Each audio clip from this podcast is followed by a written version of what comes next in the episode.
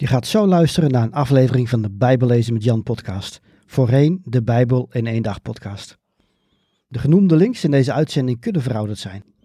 Kijk op bijbellezenmetjan.nl of in de omschrijving van deze aflevering voor meer informatie over hoe ik mensen en kerken kan helpen met het lezen, begrijpen en geloven van de Bijbel. Welkom bij de Bijbel in één dag podcast. Mijn naam is Jan Heijnen. Ik ben auteur van het boek De Bijbel in één dag. Ik geloof dat de Bijbel Gods woord is en dat we allemaal deel uitmaken van zijn verhaal.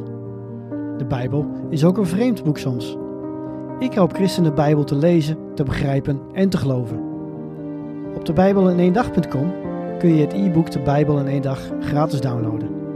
Ook kun je de paperback bestellen of je inschrijven voor een van mijn cursussen of seminars. Oké, laten we met de aflevering beginnen.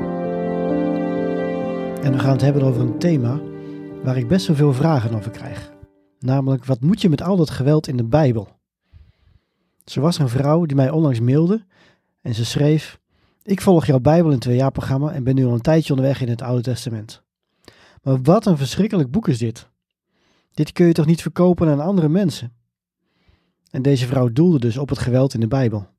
En weet je, ik geef haar nog gelijk ook. Soms word ik ook misselijk van de teksten die ik in Gods woord lees. Neem nou dit soort versen. Gelukkig hij die jouw kinderen grijpt en op de rotsen verplettert. Of, wanneer de Heer uw God u de overwinning op hen schenkt, moet u hen doden. U mag geen vredesverdrag met hen sluiten en hen niet sparen. Of, mijn pijlen maak ik dronken van het bloed van vijanden, gevallen en gevangen. Mijn zwaard verslindt het vlees van hun mannen, die zo dreigend hun haren hadden losgeworpen. Ja, als ik dit soort teksten lees, dan snap ik heel goed dat mensen afhaken bij het lezen van de Bijbel. Of dat mensen liever alleen het Nieuwe Testament lezen. Want wat moet je dus met al dit geweld? God lijkt in het Nieuwe Testament zo anders dan God in het Oude Testament. Maar is dat ook zo? Nu moet ik zeggen dat discussies over het geweld in de Bijbel misschien nog wel net zo oud zijn als de Bijbel zelf. Het is ook een belangrijk kritiekpunt van niet-christenen. Want hoe kan een weldenkend mens geloven in een God die zo gewelddadig is? De Bijbel moet wel een antiek boek zijn dat je alleen nog met een leeswaarschuwing zou mogen lezen. Nu zijn er verschillende manieren om om te gaan met het geweldsvraagstuk. Sommige zijn weinig behulpzaam. Bijvoorbeeld door te stellen dat God nu eenmaal God is en dat hij mag doen wat hij wil. Ja, God is God. Hij is de schepper van het universum en ja, hij kan en mag doen wat hij wil. Niemand kan zijn autoriteit in twijfel trekken. Toch is dit niet bevredigend. In de Bijbel openbaart God zich namelijk als iemand die zich wil openstellen voor de mens. Hij wil dat wij hem leren kennen en dat wij ontdekken wat hem drijft. Het antwoord God is God is daarom niet toereikend, want het kapt de discussie af. Iets anders wat gebeurt is dat mensen hun eigen Bijbel gaan samenstellen. Ze lezen alleen maar die teksten die hen aanspreken en verdiepen zich niet in de gedeeltes die schuren met hun beeld van God. Eigenlijk proberen ze God in een hokje te stoppen waar hij niet in past. Nog erger is het als mensen de geweldspassages gewoon ontkennen. Ja, ze staan in de Bijbel, maar dat is per vergissing. Het is niet echt gebeurd. Nee, de Bijbel is een eerlijk boek. Het verdoezelt de feiten niet en dat is juist een van de redenen waarom de Bijbel zo betrouwbaar is. Doordat het Oude Testament soms ronduit wreed is, of in ieder geval zo overkomt, zeggen veel christenen dat ze liever alleen in het Nieuwe Testament lezen.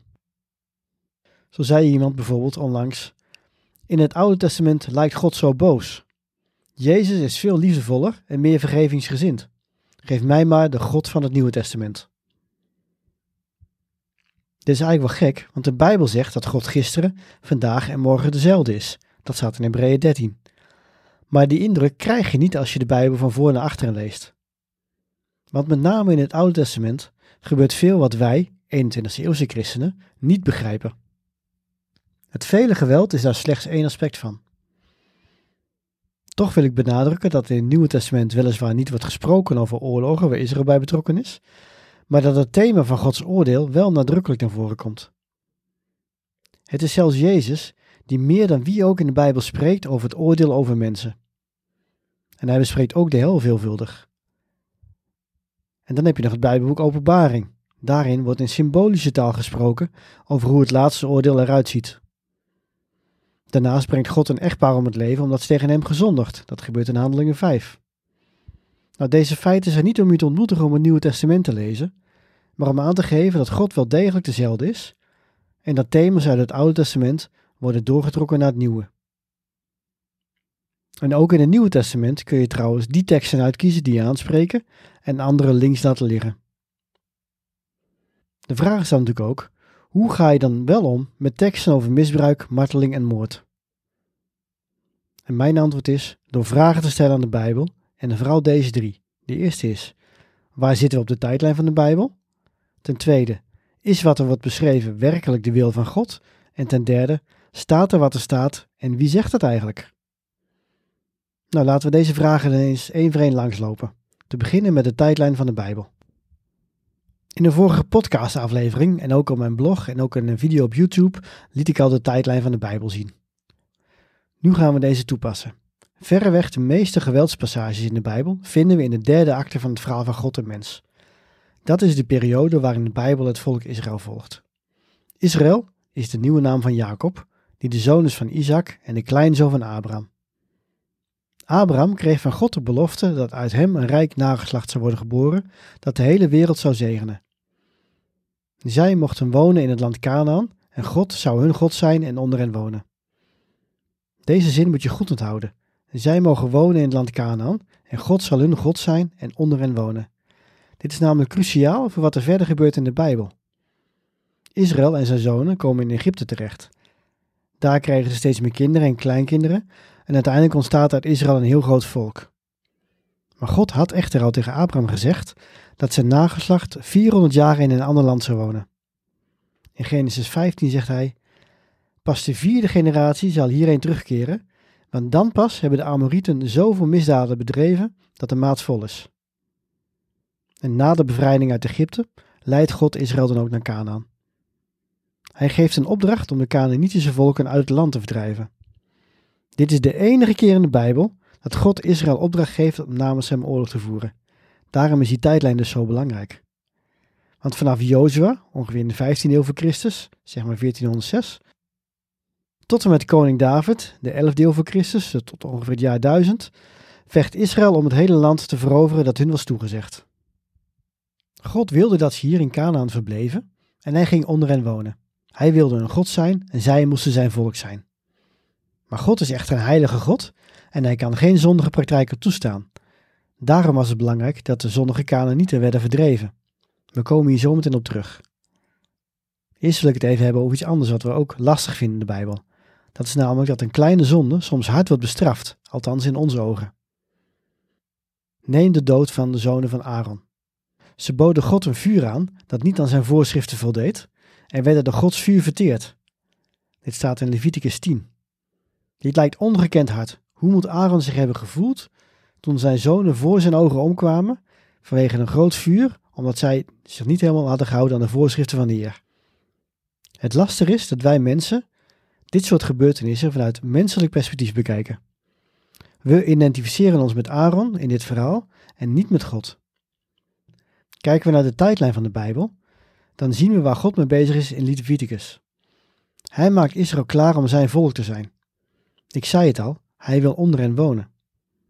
Maar op dit punt in het verhaal is Jezus nog niet gekomen en Israël is nog steeds een zondig volk. Dus hoe kan God dan bij hen zijn?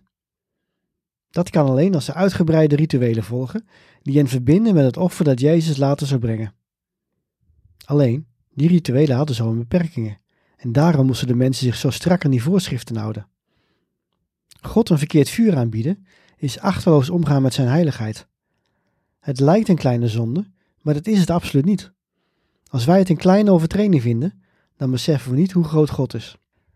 Dan het tweede punt. Is het geweld wel Gods wil? Een van de redenen dat we zoveel moeite hebben met de gewelddadige passages is natuurlijk de gruwelijkheid daarvan. We lezen niet graag over dat soort details. Maar daarnaast vinden we ze ook nog moeilijk omdat ze niet passen in ons beeld van God. Als Hij liefdevol is en mensen vergeeft, waarom in het Oude Testament dan niet? Is God eigenlijk wel liefde? We proberen te gissen naar waarom God iets doet. Als je weet waarom iemand iets zegt of een bepaalde handeling uitvoert, dan leer je iemand beter kennen. Zijn of haar woorden en daden onthullen zijn of haar karakter. Dus toegepast op de Bijbel. Als de Heer de onschuldige inwoners van de stad als Jericho het leven laat brengen, dan is hij een wrede God. Dat is in ieder geval een conclusie die je makkelijk zou kunnen trekken. Toch moeten we een onderscheid maken tussen Gods wil en Gods wezen. Wat bedoel ik daarmee? Nou, Gods wil is zijn verlangen. Wat wil hij? God wil vergeven. God wil zijn genade, liefde en barmhartigheid tonen. Hij wil zegenen. Nou zeg je misschien, dan doet hij dat toch gewoon? Wat is het probleem? Het probleem is dat God beperkt wordt door zijn wezen. God is namelijk liefde. Hij is barmhartig, hij is genadig, hij is vergevingsgezind. Het klopt allemaal, maar God is ook heilig en rechtvaardig. Heilig wil zeggen dat hij geen zonde kan tolereren, al zou hij het willen. God is namelijk altijd heilig. Hij kan dit niet even uitzetten. Vergelijk God met een groot wit tapijt. Het is zuiver en het moet zuiver blijven. Zolang ik zonder zonde ben, kan ik dit tapijt vrij benaderen, want ik vervuil het niet. Maar stel dat ik wel overtredingen heb begaan. Dan is het alsof ik modder heb aan mijn schoenen en op mijn kleding. Zou ik dan in de buurt van het witte tapijt mogen komen? Nee, want ik zou het vuil maken. Dus God is heilig en hij moet zuiver blijven. Maar God is ook rechtvaardig. Rechtvaardig wil zeggen dat iemand krijgt wat hij of zij verdient. Heb ik iemand geslagen? Heb ik iets gestolen? Of heb ik een andere overtreding gedaan? Dan verdien ik straf. Want goede daden wissen slechte daden niet uit. Elke slechte daad moet worden bestraft. En het zou niet eerlijk, dus ook niet rechtvaardig zijn, voor die ander als rechter mij zou vergeven dat ik iets van hem heb gestolen. De conclusie? God wil liefdevol en genadig zijn, maar tegelijk is hij ook heilig en rechtvaardig. Wat het Oude Testament voor ons zo moeilijk maakt, is die spanning tussen deze twee uitersten. Wat heeft dit alles nu te maken met de gewelddadige tekst in de Bijbel? Nou, als God Israël opdracht geeft om Canaan in te nemen, neemt God geen willekeurig volk op de korrel dat toevallig op de verkeerde plaats woont. Nee, God heeft de Canaanieten zeker 400 jaar de tijd gegeven om tot inkeer te komen. Want al tegen Abraham zei God dat pas dan de Amorieten zoveel misdaden bedreven zouden hebben dat de maat vol was. En de Amorieten staan hierbij symbool voor alle volken in Canaan. God wilde de Canaanieten redden. En sommigen kwamen ook tot inkeer. De prostituee Rahab uit Jericho bijvoorbeeld liep over naar Israël omdat zij had gehoord van de wonderbaarlijke kracht van de Heer. Zij geloofde hem. Rahab kwam dus tot inkeer, maar iedereen in Jericho had gehoord over wat God had gedaan in Egypte. Maar alleen Rahab en haar familie sloten zich aan bij Gods volk. Iedereen had dat kunnen doen, iedereen had dat misschien wel moeten doen. Dan waren ze gered gebleven. Want even later zien we in de Bijbel dat ook de Giwieten eieren kiezen voor hun geld. Ze laten zich onderwerpen door Israël. toegegeven, ze misleiden de Israëlieten, dat was wellicht niet nodig geweest, maar het resultaat was hetzelfde. God was hen genadig, omdat ze zich overgaven aan hem. En gingen leven zoals hij dat wilde. Er zijn nog meer voorbeelden in de Bijbel. Waarschijnlijk ken je ook het vrouw van de profeet Jona, die niet wilde getuigen in Nineveh, omdat hij wist dat God deze door en door slechte mensen, het was echt een misdadig volk, zou vergeven als ze tot bekering kwamen. En wat gebeurt er in het verhaal? Ze komen inderdaad tot inkeer en God spaart hen. Ik wil hier ook nog aan toevoegen dat God zelf zegt dat hij geen plezier schept in het ombrengen van slechte mensen. Hij wil juist dat mensen zich bekeren. Dat staat in Ezekiel 33. Gods wil is dat mensen tot inkeer komen. Maar als ze dat niet doen, dan is het oordeel onvermijdelijk.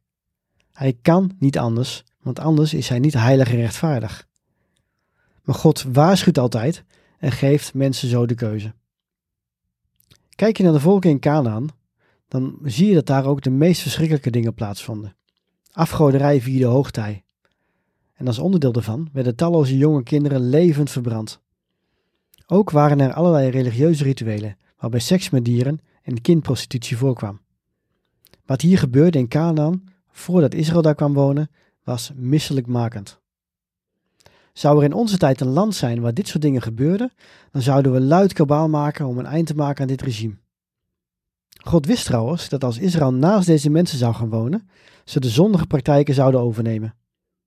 Dit is precies wat de Bijbel later beschrijft.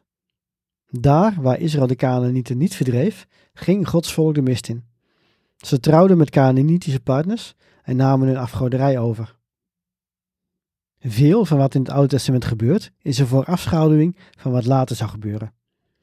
De zondvloed, de vernietiging van Sodom en Gomorra en de verdrijving van de volken uit Canaan zijn Gods oordeel in het klein. En om weer even een zijpadje te maken, om even naar het positieve aspect daarvan te kijken. Tegelijk wijzen ook Noach's ark, de engelen die Lot en zijn dochters redden en de bekering van Rahab familie op het wonder dat wij verlossing noemen. Al in het Oude Testament laat God zijn hele reddingsplan zien. Dat is dan ook het thema van mijn boek Jezus in het Oude Testament, dat in september verschijnt.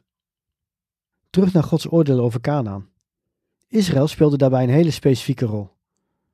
Door de strijd aan te binden en de bevelen van de Heer op te volgen, lieten ze hun trouw zien, maar ook voerden zij het oordeel namens hem uit. Als je dit allemaal hebt gehoord, dan kun je je nog steeds ongemakkelijk voelen. En misschien stel je jezelf wel de vraag, ik doe dat in ieder geval moeten wij dit dus oké vinden, al dat geweld? En mijn antwoord daarop is ja en nee.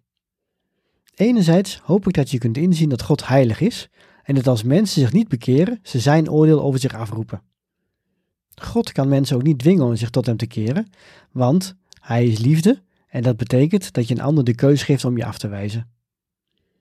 Tegelijk hebben we gezien dat hij zonde niet kan tolereren, want dan zou hij niet langer heilig en rechtvaardig zijn. In dat opzicht heeft God dus beperkingen. Hij kan niks doen wat niet heilig is. Hij kan niks doen wat niet rechtvaardig is. Dit geeft ook wel een spanningsveld in de Bijbel. En ik hoop ook dat je dat spanningsveld voelt. Want het is namelijk het mysterie van God. Hoe kan een heilige, rechtvaardige God liefdevol zijn en genadig voor zondige mensen? Dit raadsel wordt pas opgelost in Jezus Christus. En daarom is het Oude Testament zo lastig voor ons. We ervaren dat dilemma. En natuurlijk is al dat bloedvergieten niet iets om vrolijk van te worden. Natuurlijk mogen we dat verschrikkelijk vinden. De menselijke drama's zijn gewoon niet te bevatten. Toch wil ik nogmaals benadrukken dat er in het dorp en de steden in Canaan al gruwelijke dingen gebeurden die minstens zo erg waren en misschien wel erger. God wilde dit stoppen en gebruikte daar Israël voor. En ook dit moet ik nog eens zeggen. Alleen in deze periode gaf God opdracht om namens hem oorlog te voeren. Verder heeft God dit nooit gedaan. Maar dan heb je natuurlijk nog het geweld in boeken als Rechters, Samuel en ook andere historische boeken. Wat doe je dan daarmee? Ik moet zeggen dat ik Rechters persoonlijk geen fijn boek vind om te lezen. En ook in de andere boeken staan veel dingen die heel naar zijn. Hoe kan de rechter Jefta in Rechters bijvoorbeeld zijn eigen dochter offeren na het doen van een onnodige eet?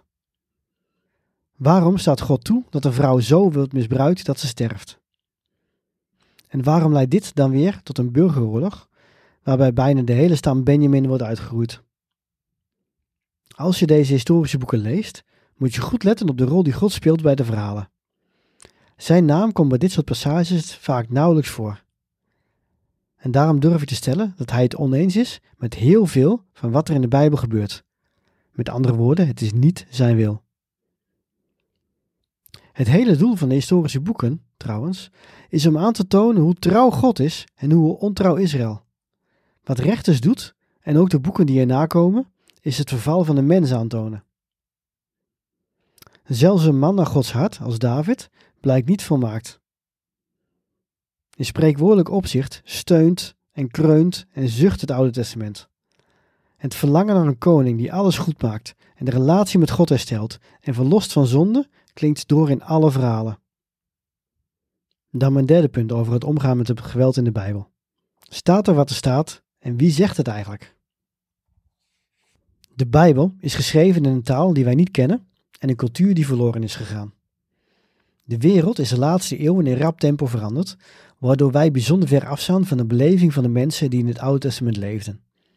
Hun tijd was radicaal anders dan de onze en daarom spraken en dachten ze zo anders dan wij. Dat maakt Bijbelonderzoek en Bijbelinterpretatie heel lastig. Toch is het goed om altijd te kijken of er daadwerkelijk staat wat er staat. Ik bedoel daarmee niet dat we moeilijke teksten moeten wegredeneren. Integendeel, ik vind dat we op zoek moeten naar de oorspronkelijke betekenis. Neem deze tekst. Jozua roeide in die tijd ook de Enekieten uit, die in de bergen van Juda woonden, in Hebron, Debir en Anab, en in de bergen van Israël. Hij doodde hen en liet hun steden aan de Heer. Er bleven in het land van Israël geen Enekieten meer over, behalve in Gaza, Gad en Asdod. Jozua 11. Wat hier beschreven wordt, lijkt een koelbloedige massamoord, waarbij geen overlevenden waren onder de Enekieten. Maar wat staat er in hoofdstuk 15 van Jozua? Caleb verdreef de zonen van Enak. En rechters hoofdstuk 1 vers 20 herhaalt dit nog eens. Dit betekent dus dat de Bijbel soms hele stevige woorden bevat die je het beste kunt omschrijven als oorlogstaal. Maar soms gebeurt er iets anders. Toegegeven, er kwamen bij de strijd veel mensen om, maar tegelijk was het doel niet alles en iedereen te doden. Het ging erom deze volken te verdrijven. Zo zijn er meer gebeurtenissen waarbij de Bijbel eerst zegt dat iedereen werd omgebracht, maar enkele bladzijden verder blijkt nog een deel van hen in leven. Zo zien we dat oorlogstaal zwart-wit is, maar de werkelijkheid is vaak genuanceerder. Tot slot wil ik nog één vraag langslopen. En die vraag is: roept de Bijbel eigenlijk op tot het doden van baby's? Gods woord wordt namelijk vaak bespot vanwege de vreemde wetten, vrouwenvriendelijke teksten en ook geweldspassages. Op het eerste gezicht kan de Bijbel een wereldvreemd boek lijken. Ik hoop dat je het met me eens bent dat we bij ieder voorbeeld een laag dieper moeten kijken naar de context, naar Gods rol in de betreffende tekst en naar wat er staat en vervolgens naar wat er daadwerkelijk gebeurt. In het verlengde hiervan is het belangrijk om te kijken naar wie het zegt en wat hij zij bedoelt. Neem bijvoorbeeld dit gruwelijke vers. Gelukkig hij die jouw kinderen grijpt en op de rotsen verplettert. Psalm 137, vers 9. Hier lijkt de Bijbel op te roepen tot het vermoorden van baby's, toch?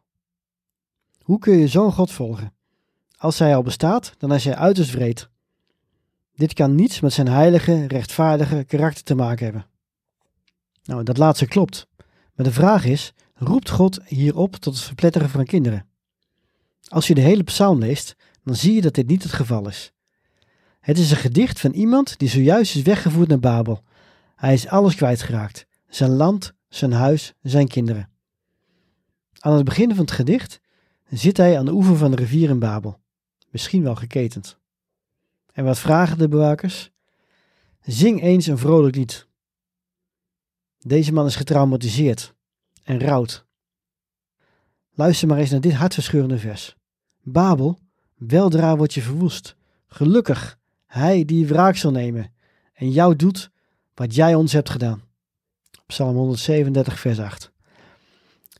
Met andere woorden, deze man wenst zijn beulen toe wat ze hem hebben gedaan. En wat hebben ze gedaan? De kinderen vermoord. Is het goed om je vijand toe te wensen dat zijn kinderen omkomen? Nee maar het is wel te begrijpen. Hoe dan ook, het punt is dat dit vers over het verpletteren van kinderen geen algemene oproep van God is. Het is een hartekreet van iemand die alles kwijt is, van iemand die genoegdoening wil van wat hem is aangedaan. We hebben het tot zover gehad over meer de theologische kant van het geweldsvraagstuk. Met mijn theologische pet op kan ik heel feitelijk uitleggen dat God heilig en rechtvaardig is en dat hij daarom zonde niet kan tolereren. En ik kan ook vertellen dat God liefdevol en genadig is en mensen wil vergeven. Ik kan je erop wijzen dat voor elke zonde een prijs moet worden betaald en dat Jezus die prijs is. Door in Hem te geloven ben je verbonden met zijn dood en opstanding. Dan ben je vrijgekocht van de straf die je verdient.